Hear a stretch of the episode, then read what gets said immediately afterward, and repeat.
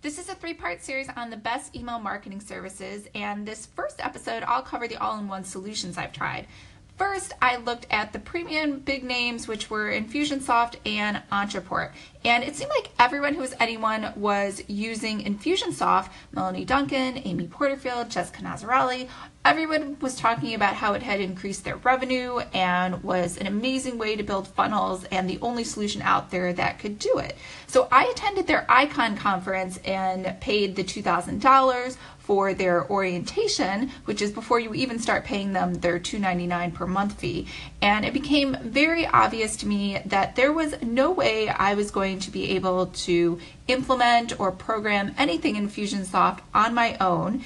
And while I was at the conference, first of all, the conference was 99% just selling you on other people's services or selling you on sixth division. Now, sixth division uh, is solely dedicated to providing services to uh, you know, customize Infusionsoft for you.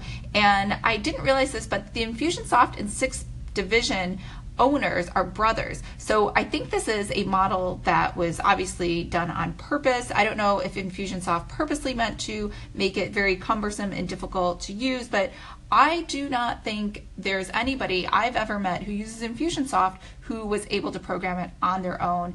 Everybody hires somebody to do it for them. So that to me was just not something I wanted to do uh, because I wanted to be able to change things on the fly. And quite honestly, after the $2,000 orientation, I felt like I should at least be able to do things on my own, but I was not.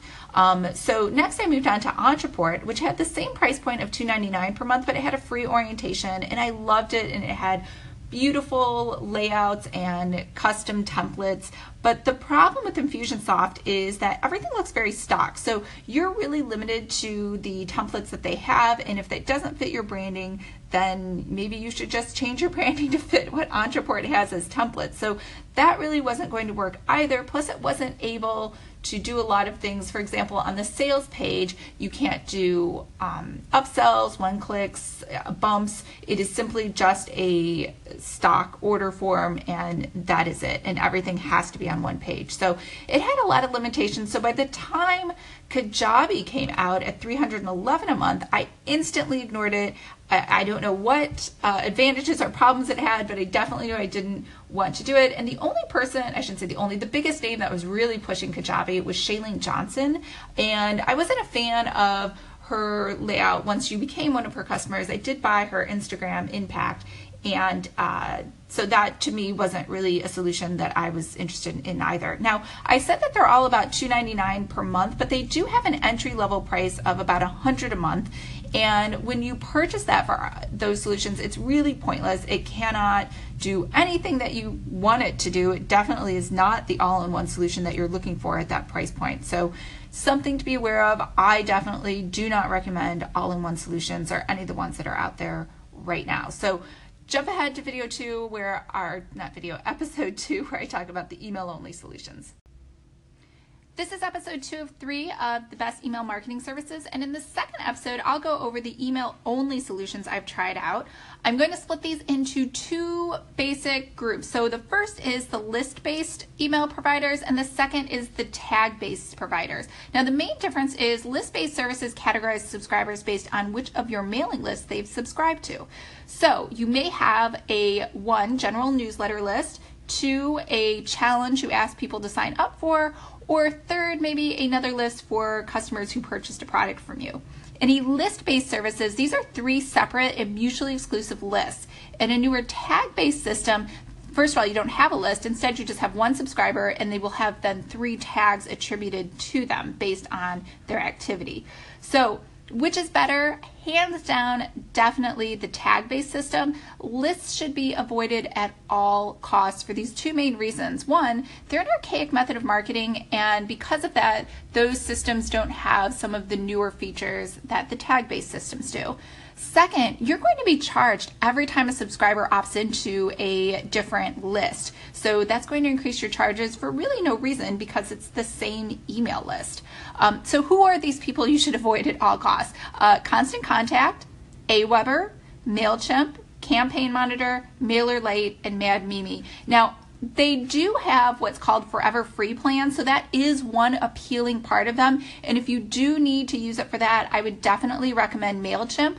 Uh, they've been around the longest out of all of those newer systems, and they integrate with everything, uh, and they have excellent customer service. Now, one, if you should avoid at all costs on that list is MailerLite. And I know it seems appealing because they have the Forever Free plan under a thousand, uh, but don't waste any time setting it up. I've tried to use their free plan for my local San Diego College alumni, and because they didn't like our website, they wouldn't allow us to grow our list beyond 10 subscribers and told us to reapply after we had a better website and a more mature business, even though my college has been in existence since 1845. So you'll see also on the MailerLite late site that you need to apply and get reviewed before you can grow your list at certain thresholds. I think I'm not sure if 5,000 is the first list, but first, uh, just knowing that I cannot grow my list beyond 10 people, um, you know, I can appreciate them wanting to ensure spam laws don't get violated, but this is severely going to impact your ability to grow a list of any kind. Uh, so if you're going to do a free service, definitely do MailChimp. Do not uh, or any of the other things on this list, even constant contact is better than MailerLite. So Next up, let's talk about the tag-based systems. Now, there are three main uh, competitors out there, ActiveCampaign, ConvertKit, and Drip, and I actually like all three. I tried ActiveCampaign first, but their pricing is deceptively similar to Ontraport and Kajabi, and that the $9 per month starter plan everyone gets so excited about doesn't actually do anything you need it to do. So you're automatically forced to upgrade to a much more expensive plan that includes sales automation and their CRM database, which most solopreneurs don't need. So I would advise on that that list uh, that ActiveCampaign be at the bottom. Also, I uh, had sent out some adult words in, in email and my account was automatically shut down. Now, they did reinstate it after I appealed to customer service, but this is something to keep in mind if not all of your emails are rated PG 13. Um, next, ConvertKit and Drip are basically the same product. Uh, it's going to be really hard to make a choice between the two. I actually really like ConvertKit uh, as much as I like Drip, but I did go with Drip for these three main reasons. One, ConvertKit doesn't have a visual campaign builder.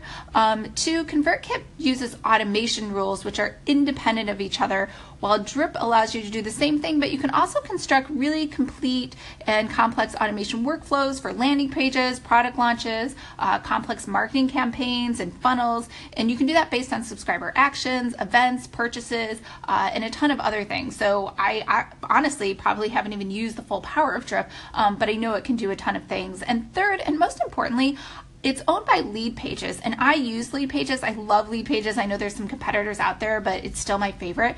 And so anytime i need a solution on how to integrate the two the lead boxes uh, lead links anything they will figure out a solution versus a lot of times with convertkit and active campaign they would just defer and say we just don't know. Um, maybe you could try zapier. And that's really not a good solution. So Drip is my number one uh, recommended email marketing provider. This is episode number three of three of the best email marketing services. And in this third episode, I'll go over how I use Drip.